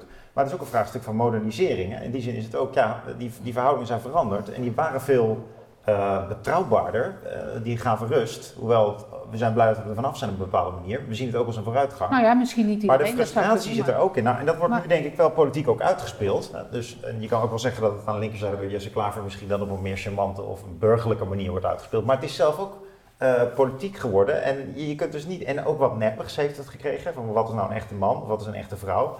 Mm, eh, Maar je kunt niet met het bewustzijn van ja, eh, zo zit een traditionele samenleving in, in elkaar. Dan, je bent er niet. Kijk, ook bij Zwarte Piet geldt, toen het helemaal uitgesproken was dat het racisme was, toen kon je ook eigenlijk niet meer zomaar nog een Zwarte Piet kijken. En dat geldt dus ook bij die basale dingen zoals wat is eigenlijk een thuis. dus we- Maar ik denk, Maar- ik, is ik het- denk dus dat zowel... echt best wel onder druk, die Ja. traditionele schaal van het leven. Maar Ja. ik heb ook de indruk dat, dat, eh, dat we qua man-vrouw dat er een appel gedaan wordt om weer terug te gaan. Het is niet een, een, een vooruitgang die gestopt wordt, maar er wordt teruggegrepen naar een heel oud beeld, toch? Ja, maar ik dat, dat zie ik toch meer als, dat is het beeld heel erg. Ik denk dus dat eh, eh, tegelijkertijd het percentage echtscheidingen stijgt gewoon door, eh, de vrouw emancipeert verder. de, de- dus dat de- allebei deeltijd werken en onder Dus dezelfde voorwaarden willen doorwerken. Dus volgens mij zijn we, we zitten gewoon in die vooruitgang waarin eigenlijk die, die traditionele borg, eh, die is aan het veranderen. En je kan natuurlijk zeggen van het komt wel goed, maar ja, voor veel mensen is het toch heel lastig nu om te denken dat dat En die onzekerheid die wordt eigenlijk gebruikt, wordt politiek uitgebuit. Nou ja, dat is wel dat? heel negatief gezegd. Ik denk dat ook veel politici terecht erop wijzen. Maar het, is wel, het geeft een onveilig gevoel in de maatschappij zelf. Maar ik Dus er wordt aan ja. geappelleerd. Maar ik denk dat eh, eh, hieronder zit, eh, we hebben het net al gehad over dat vangnet, zeg maar. En bijvoorbeeld het christendemocratische gezinsbeleid, hè, wat ooit was, dat is op een gegeven moment veranderd. Ik heb dat ook van nabij meegemaakt. Ehm, en ja, daar is men gewoon uiteindelijk meegegaan met de individualisering. Hè, dus, en ook alle sociale zekerheidsarrangementen, ondersteuning van gezinnen, hè, kostwinnersregelingen. Die, daar is men allemaal mee akkoord gegaan om dat allemaal af te schaffen. En daarmee eh, zeg maar, ontneem je feitelijk de keuzevrijheid eh, zeg maar, aan gezinnen. Want je legt eigenlijk feitelijk op financieel hè, dat men allebei moet gaan werken om het, om het vol te houden. Dat er kinderopvang moet komen. En daarmee eh, neem je eigenlijk ook culturele beslissingen zeg maar, voor burgers. Dus ik vind zelf dat heel veel van dit soort kwesties, en dat geldt ook, overigens ook voor Zwarte Piet, hè, dat, die, ehm, eh, dat je altijd goed moet kijken van ja, hoe is het ook te herleiden tot, laten we zeggen, ehm, eh, de, de keuzevrijheid van mensen om hun leven in te richten zoals ze willen en daar ook bij in gesteund te worden, hè, vangnetten voor te hebben. Want ik vind Zwarte Piet bijvoorbeeld vind ik een hele ingewikkelde discussie, omdat je, eh, je hebt tegelijkertijd in Nederland ook heel veel alledaags racisme, hè, laten we wel wezen. Hè, dus waar mensen eh, zeg maar, die een kleur hebben. ehm, ik ik spreek, spreek mensen die gewoon zeggen van ja, als ik in de bus zit hè, en de enige plek naast mij is nog vrij, eh, dan gaan witte mensen gewoon niet naast mij zitten. Maar ik vind het Nee. toch lastig om. Kijk, ik kan me iets voorstellen Ja. bij het traditionele CDA-moraal en dat familiewaarden zijn ook waarden tegenover individuele waarden.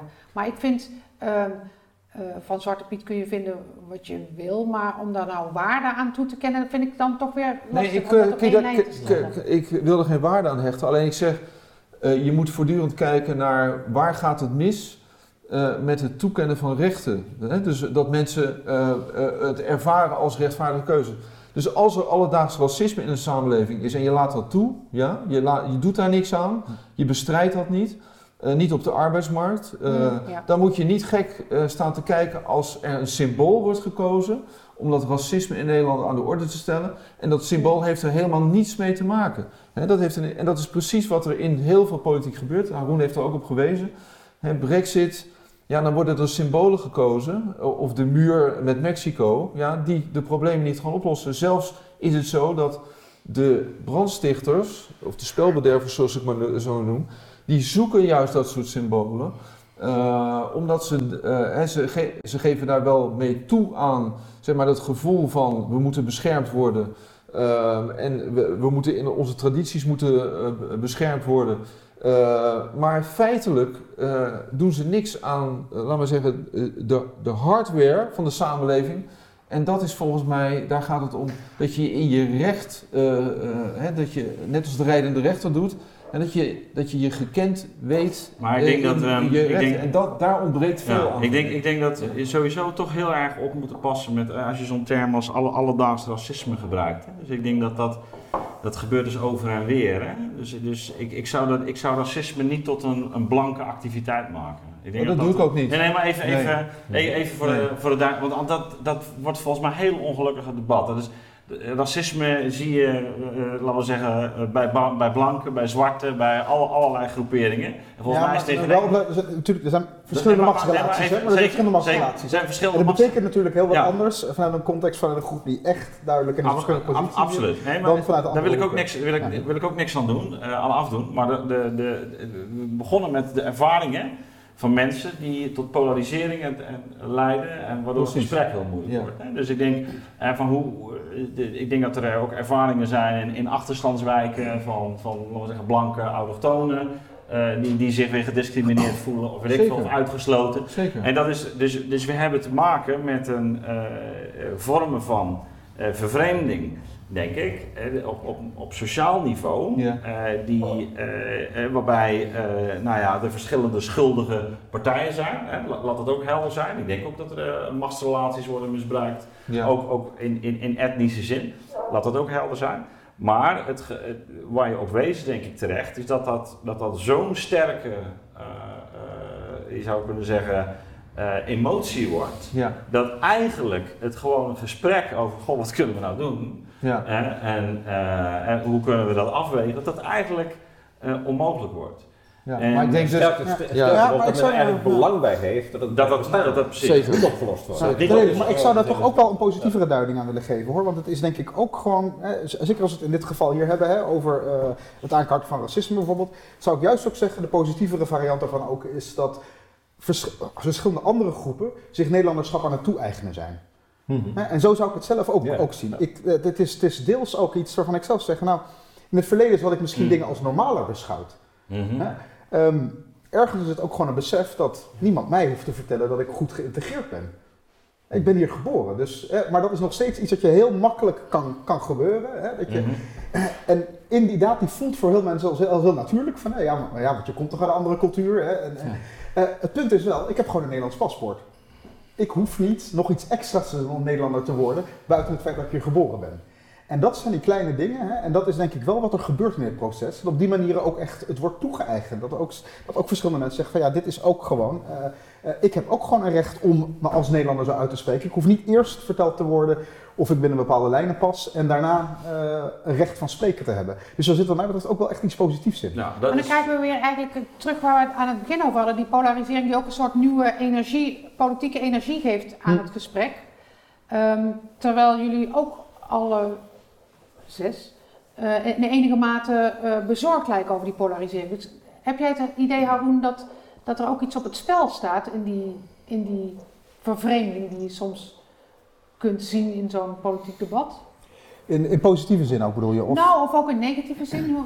Ja, ik denk dat we het veel hebben gehad over hè, in negatieve zin. Hè, en dat, Ja. dat is denk ik ook duidelijk. Ik bedoel, we hebben op verschillende manieren besproken van hoe heftig die tegenstellingen in de samenleving zijn en waar dat toe kan leiden. Ja. En waarom we politiek eigenlijk maar daar heel moeilijk uit eh, kunnen komen.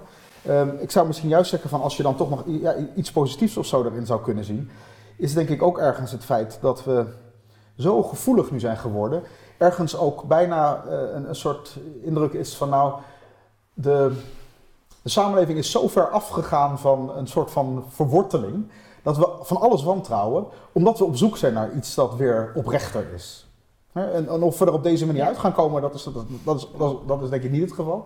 Maar het is ook wel een beetje iets van een soort van, nou ja, eh, eh, awakening-achtig ge- voelt, voelt deze periode ook. Van, hè, die spirituele awakenings waarbij groepen zich afsloten, op zoek gingen naar nieuwe, nieuwe bronnen om, om inspiratie uit te halen. Bijna religieus bevlogen eh, eh, eh, op missie gaan. Ja. eh, naar eh, dat is wat mij betreft ook wel iets dat eh, de kracht dan ook wel is. Het is ook een zoektocht naar iets wat, wat dan wel een, moreel, een morele gemeenschap kan gaan zijn. Door die ontheemding dat... dat Door ergens juist ook alles te gaan toetsen en te kijken wat, wat, wat, wat, wat echt is en wat niet echt is. Maar wat denk ik een van de lastige dingen is hier, is dat eh, je in feite merkt dat eh, ook in, in, in het debat nu, dat eh, het discours van de, van de verlichting of de emancipatie, de, de bevrijding, heeft ergens een soort grens bereikt. En dat is eh, denk ik eh, wat, wat in de wereld als markt en strijd heeft verwoord, of de elementaire deeltjes. Een soort vrijheid die, eh, die heel abstract en leeg is geworden. En de, en de vraag is, en daar kun je geen, daar kun je geen solidariteit op bouwen. Als iedereen atomair, we zijn allemaal individuen. En Dus waarin ligt nou die gemeenschappelijkheid? En ik denk dat we hebben een heel lang traject gehad van een soort verdere bevrijding. Verdere bevrijding. En eh, zeker na de jaren 60, ook een paar decennia van euthanasiewetgeving, abortuswetgeving, eh, het homohuwelijk, weet je, verdere bevrijding. En we komen nu op een punt dat er dat we eigenlijk, eh, eh, dus Je- Jelle haalde man-vrouw relatie aan, maar eh, we zien weer etniciteit op. Er komen allerlei categorieën binnen die, die iets te maken hebben met, we, we, we moeten dat lege eh, vrijheidsbegrip gaan vullen en een gemeenschappelijkheid. Nou, het risico wat we niet willen, is denk ik dat het tribaal wordt. En dat je een tribaliseringswerking eh, krijgt. Dus wat Haroon zegt, ja, we moeten, groepen die zich het Nederlanderschap toe-eigenen, dat zou ik helemaal toejuichen. En dat is volgens mij niet dat je dan eh, je Turkse identiteit met vlaggen gaat benadrukken of Marokkaanse. Of, dat is het dan niet, weet je wel. Het is ook prima dat, dat, dat, je natuurlijk een geschiedenis hebt.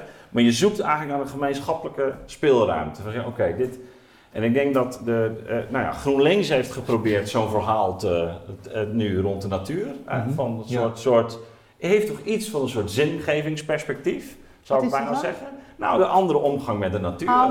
Andere, dit, eh, wat je daar verder ook van vindt. Maar dat is denk ik, ehm, bij, bij Forum en zeg maar bij Fortuin ook, speelt toch dat eh, soort nationale eh, Ja. eh, horizon weer op. Maar het is wel een soort grootser verhaal.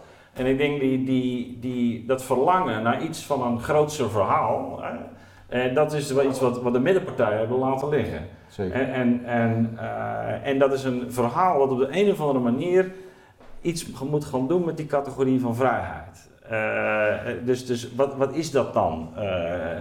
Eh, Maar de meest succesvolle verhalen zijn tot nog toe tamelijk conservatief. Hè? Eh, Make America Great Again, Take Back Control. eh, ik ik zie daar niet zo... Is het noodzakelijk dat die grotere Nou, verhalen er is, uit, uit er is een oude net al, doos een- al komen? een paar keer gewezen op een proces wat tamelijk verscholen zich voltrekt en voor een toenemende gevoeligheid. Hè? Het is onmiskenbaar Ja. het geval dat wij ons nu druk maken over Is dat een goed of een slecht teken? Of Wacht even, dat is, dat is de kernvraag. Dat is de kern, hoe je daarmee omgaat. Maar feitelijk is het zo dat onze gevoeligheden nu veel, dat wij veel gevoeliger zijn dan, dan een paar decennia terug. In allerlei verhoudingen, minderheden, meerderheden, eh, man, vrouw, maar ook de omgang met autoriteiten, onderdanen enzovoort. Oh, instituties, burgers. Dat is, dat is, maar, maar er is dus een, een, een, een, toenemende gevoeligheid. Hoe moet je dat waarderen? Nou, je zou het kunnen waarderen in termen van een beschavingsproces. Dat is, dat is heel belangrijk en heel tricky. Eh, waarom is het tricky? Omdat eh, toenemende gevoeligheid, hogere normen betekent van de ene kant de verplichting voor ons allemaal om je aan die hogere normen te beantwoorden, daar rekening mee te houden. Je zegt sommige dingen niet, bepaalde grappen maken die we niet 30 jaar geleden maken. Iedereen die een beetje gevoelig weet dat. Het nadeel is dat als er dan toch iets fout gaat, dan staat ook iedereen op de achterste benen, want het is natuurlijk eh, enorm beledigend en iedereen voelt zich aangetast. In het. Maar het, a- wat Haroon zei is heel interessant in verband met die awakenings en met Amerika. Die processen van beschaving, die beschavingsprocessen, die heb je heel vaak gezien in de geschiedenis. Dat zijn golven. En dat zijn golven waarbij mensen zichzelf hogere normen opleggen. Hoe dat komt is nog iets heel anders. Dat is, dat, dat is heel mysterieus. Maar dat gebeurt. Het gebeurt echt regelmatig. En het zou kunnen zijn dat eh, je de, de botsingen die zich nu voltrekken rondom etniciteit bijvoorbeeld, dat die inderdaad, want dat is sinds dat er assertieve, hoogopgeleide vertegenwoordigers van minderheden zeggen, ja, wij zijn er ook en wij zijn er Nederland, dus ik neem even jouw hypothese als uitgangspunt, dat we op weg zijn dat dat gedeelde Nederlanderschap, maar niet zozeer eh, je, je paspoort, maar wel een gedeelde beschaving. Dus de grondvraag is voor mij deze, en dat is ook meteen de antwoord op Adse vraag, van die vrijheid die is tamelijk eindeloos, maar waar liggen die grenzen? Ik zou zeggen dat het gesprek zou moeten gaan over wat wij delen aan beschaving, eh, en dat betekent hoe je je gedraagt, eh, en wat je wel en niet van elkaar accepteert en mag verwachten en welke waarden je wel en niet met elkaar deelt. Daar zouden politici best een belangrijke rol in spelen. Doen ze niet, om allerlei redenen, maar het moet wel gebeuren. En eh, het allerbelangrijkste is ook, wat je ziet hoe moeilijk het is, want in de huidige samenleving zijn mensen erg gefocust bijvoorbeeld op verschil in, in, in huidskleur, seksuele voorkeur, noem maar op. En het gaat om wie je bent. En ik heb eh, ook eh, op een zeker moment, het is, het is heel erg eenvoudig eigenlijk. Namelijk dat je in omgang met elkaar niet de vraag stelt wie je bent of, of hoe je eruit ziet, maar wat je doet. Dus de nummer waarop je elkaar vindt is niet of jij gekleurd bent en ik niet, of jij man vrouw, of- maar of wij in het handelen, in het gedrag, een, een zekere code delen of niet. En dat is, als je daarover in kunt gaan hebben, als je dat zegt, wat zijn onze basisbeginselen van beschaving, dan kun je hele grote meningsverschillen aan hoor. Maar, dan, maar dat wordt dus niet ontwikkeld. Dus dat die notie van beschaving wordt altijd belachelijk over gedaan van als een dun laagje feministen heet dat altijd. Eh, en dan vallen we terug op de belangen. Maar ik weet, ben ervan overtuigd dat je een samenleving en een cultuur niet kunt handhaven en dus ook niet politiek leiding kunt geven als je niet enige notie van beschaving inbrengt of handhaaft of doorgeeft. Je moet niet bang zijn voor dat idee, je moet dat idee ontwikkelen en bij de tijd brengen. Want het is nu iets anders dan vroeger. Ja, maar het is Ja, wel heel Ja, gevraagd. dat is, dat is heel, heel, heel belangrijk wat je zegt. En volgens mij heeft het ook heel erg te maken met, ehm, met de schaal waarop dingen worden uitgespeeld, zeg maar, nu. En eh, het is heel curieus bijvoorbeeld dat, ehm, nou zeg maar, in eh, bepaalde plaatsen waar werkelijk geen allochtoon te vinden is, dat daar, eh, nou eerder Wilders heel groot werd en nu Baudet en zo wat ik van. En dus dat is een heel abstract probleem in zekere zin. In heel veel wijken waar en scholen, spelen een hele bijzondere, die, die lossen het eigenlijk gewoon wel op. En die is een beetje piet en een beetje zus, nou ja, dat doen we niet, de hoed vegen, en, nou, doen we het zus en zo. En eh, pragmatische oplossingen, eigenlijk om te zeggen, nou zo kunnen we met elkaar samenleven.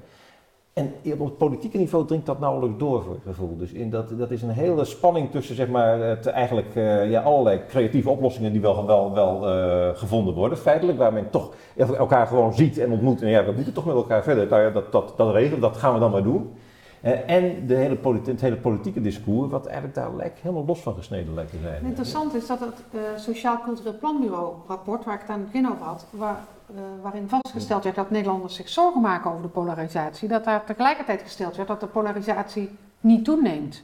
Dus mensen eh, maken zich daar zorgen over omdat ze dat zien en lezen in de krant, maar feitelijk nemen de, eh, neemt de extremiteit van de opvattingen niet sterker toe. Ja, de laatste tien jaar een beetje, maar in de jaren zeventig waren die verschillen groter schijnbaar.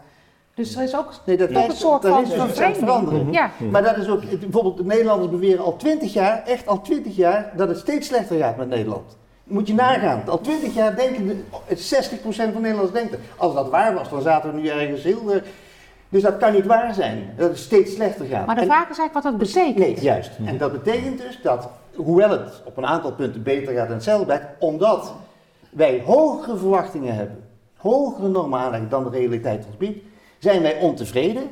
En omdat er niemand is aan wie wij die zorgen kunnen toevertrouwen, blijven wij klagen en klagen en klagen. En daarom is dat aandeel, aandeel van mensen wat dus heel pessimistisch is gestemd over Nederland, heel pessimistisch, dus 60%, constant, tien jaar, afgelopen tien jaar, elk kwartaal zoekt het SCP dat uit. Hè? En Mm. elk kwartaal is dat zorg nummer één, wij gaan in het land slecht met elkaar om.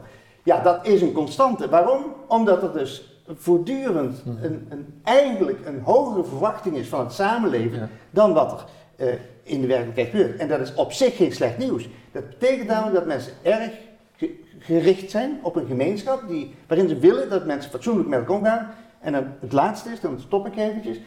De klacht is niet alleen dat burgers onderling te ruw met elkaar omgaan en meer gemeenschappelijk. De allergrootste klacht is dat politici, waarvan we hopen dat die de leiding zouden moeten geven, dat die te veel met elkaar in hun partij bezig zijn en niet voor het algemeen belang opkomen. Dus die kritiek op de elite en die, en die klacht over hoe het met Nederland gaat, dat is één pakket en dat is al tien jaar constant. En dat moet de politieke klasse zich aantrekken. Maar dat, eh, mag ik daar nog eh, iets aan Ja. toevoegen? Want ik denk dat dat een heel, heel erg belangrijk punt is. En het is een punt wat Gabriel echt al jaren en jaren maakt. hè. Je hebt er ook veel over geschreven, hè, die, dat die normatieve behoefte zo, zo groot is in Nederland. Ik denk dat dat eh, nog steeds zo is en dat dat een hele goede diagnose is. En ik denk dat het antwoord daar ook op is dat hè, in organisaties, dat wil zeggen in scholen, in bedrijven, maar ook de overheid, veel duidelijker eh, normatief wordt. Hè, veel duidelijker laat zien welke, wa- wat zijn de normen waar we van uitgaan hè, voor het samenleven, het samenwerken, het samen naar school gaan enzovoort. En eh, die, eh, die drempel wordt maar steeds niet genomen. De behoefte is enorm, iedereen wil het feitelijk, maar het, het wordt gewoon niet gedaan. Ja, En daarvoor hoort bij mij ook, zeg maar, zo'n succes als de rijdende rechter. Hè, dus eh, eh, zo'n dus ruziende eh, buren. Ja, eh, wat gebeurt daar? Die rechter heeft een bepaalde positie. Er zijn normen die vastliggen in een, in een wetboek.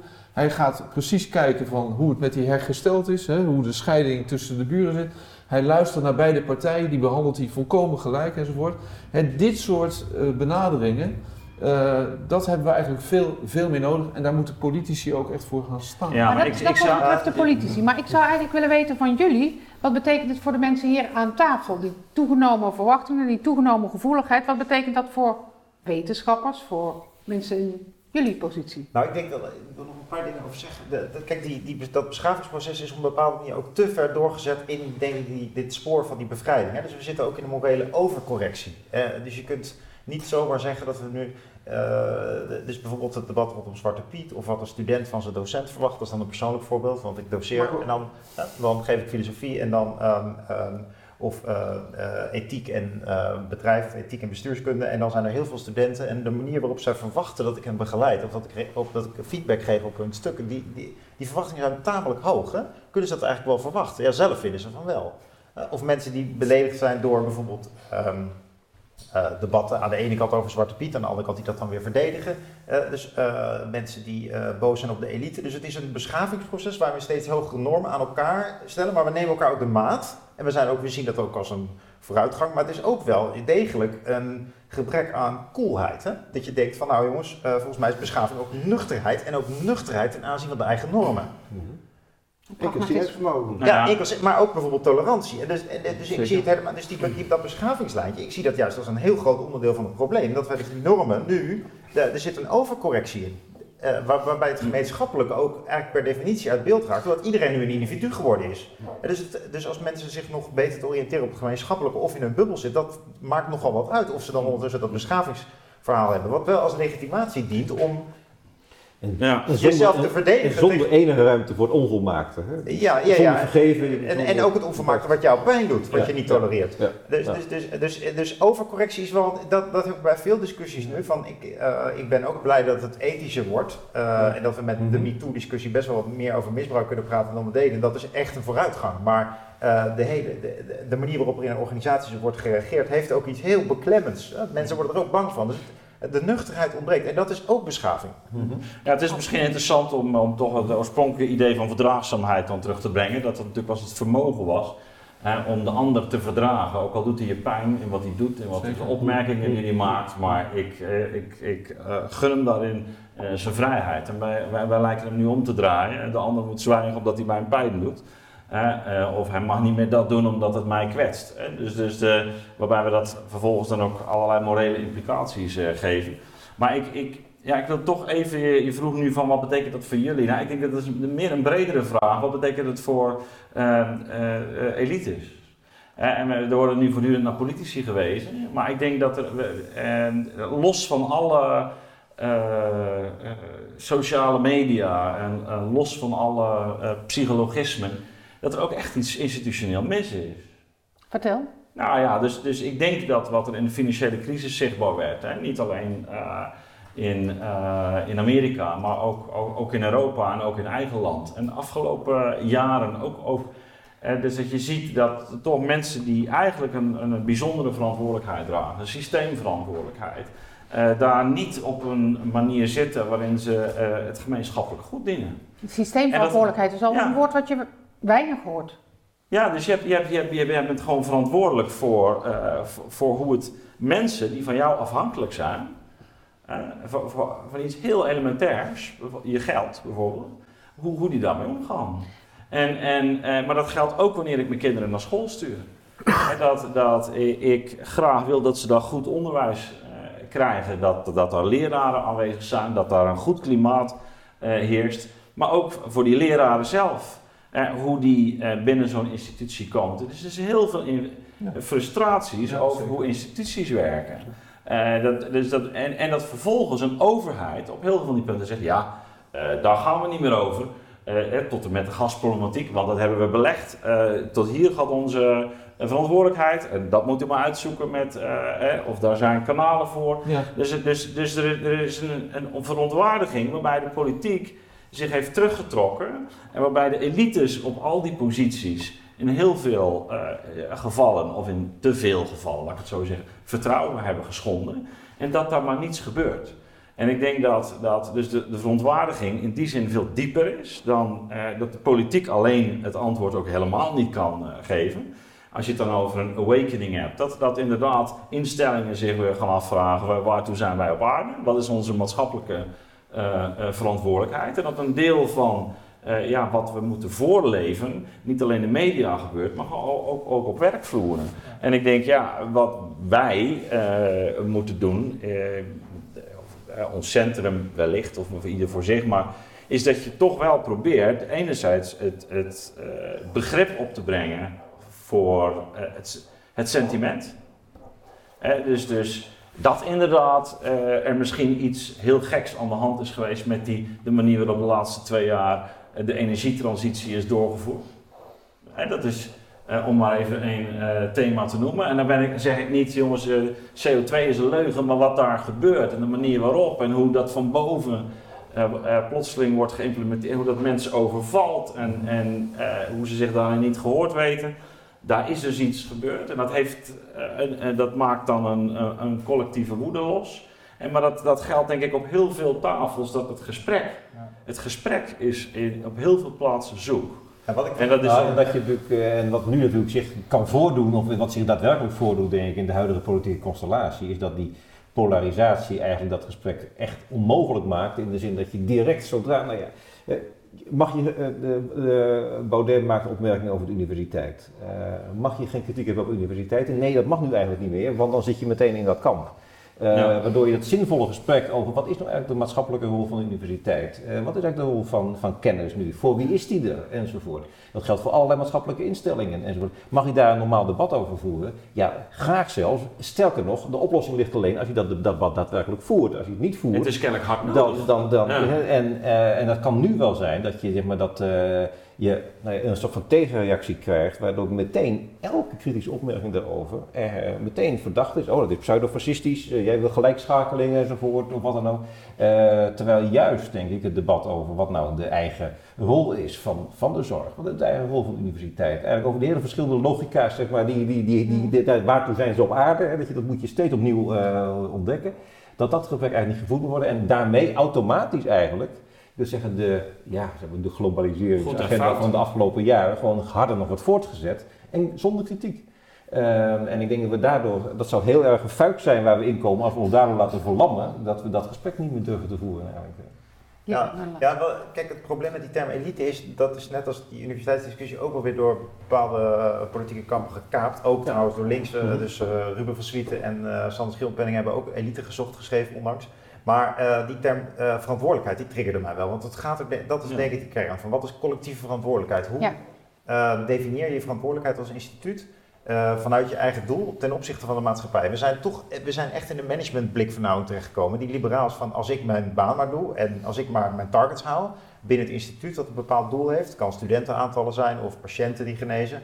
Maar verantwoordelijkheid heeft veel meer eigenlijk die ethische betekenis. Dus daar willen we naartoe. Hè? Dus bijvoorbeeld, ehm, eh, neem de krant. hè, De, de, de krant. De kranten zijn ook eigenlijk vermarkt. eh, als je naar de koppen kijkt of hoe de voorpagina's waren ze altijd al hoor. Maar Ja, of, ja, nou ja, de, de, de, de verantwoordelijkheid eh, definiëren zij toch. Kijk, ze zijn wel maatschappelijk, maar je ziet ook dat ze die polarisatie oppoken. Want als je in de krant komt, eh, als je op de, op de voorpagina staat en je doet het goed en ehm, zeg maar eh, de, de filters van eh, de iPhone en de Samsungs, eh, die zorgen dat jouw eh, eh, artikel naar boven gaat. Ja, dat komt dan vaak omdat er een eh, schandalige praktijk is. En de verantwoordelijkheid nemen voor het inventariseren wat er in de maatschappij goed gaat. Hè. Goof die geeft er net aan, maar bijvoorbeeld hè, dus de eh, situatie zullen we hem ook zien in eh, de luizenmoeder of op de gemiddelde basisschool. Hoe wordt daar omgegaan met discriminatie of zelfs racisme? En daar zou je veel meer rapportage over willen hebben. Maar dat, dat, op de een of andere manier komt dat ook de filters niet door. Mensen nemen dus ook een verantwoordelijkheid daar niet voor. Die laten veel te makkelijk denken, hoe bereik ik de lezer? Hè? Sensatiegericht, eh eh, hapsnap. Dus de- en ik denk ook de universiteiten op die manier te gemakkelijk denken van nou, het is één soort publicatie met die experts in debat. Eh, De verantwoordelijkheid wordt niet breed gezien. Terwijl eigenlijk, als je een beetje nuchter kijkt, eh, de krant moet, moet, ja de krant heeft wel een opgave van het eh, weergeven wat er gebeurt in de wereld. Zou niet schandaalgericht moeten zijn? Of, of hoor, wederhoor gericht zo iedereen maar aan het, aan het woord laten. Zou veel nuchterheid in, in kunnen. nuchterheid, pragmatisme, gedeelde verantwoordelijkheid. We moeten afronden, ehm, vrees ik. We zijn begonnen eh, over polarisatie en via eh, ontheemding en vervreemding en toegenomen gevoeligheid en beschaving uitgekomen bij een mooi begrip van systeemverantwoordelijkheid. Lijkt me een mooi onderwerp om nog eens eh, een andere keer over te praten. Ik wil jullie alle zes eh, deel, danken voor deelname aan het gesprek. En eh, En jij voor het leiden van het gesprek. graag gedaan. Dank- Dankjewel.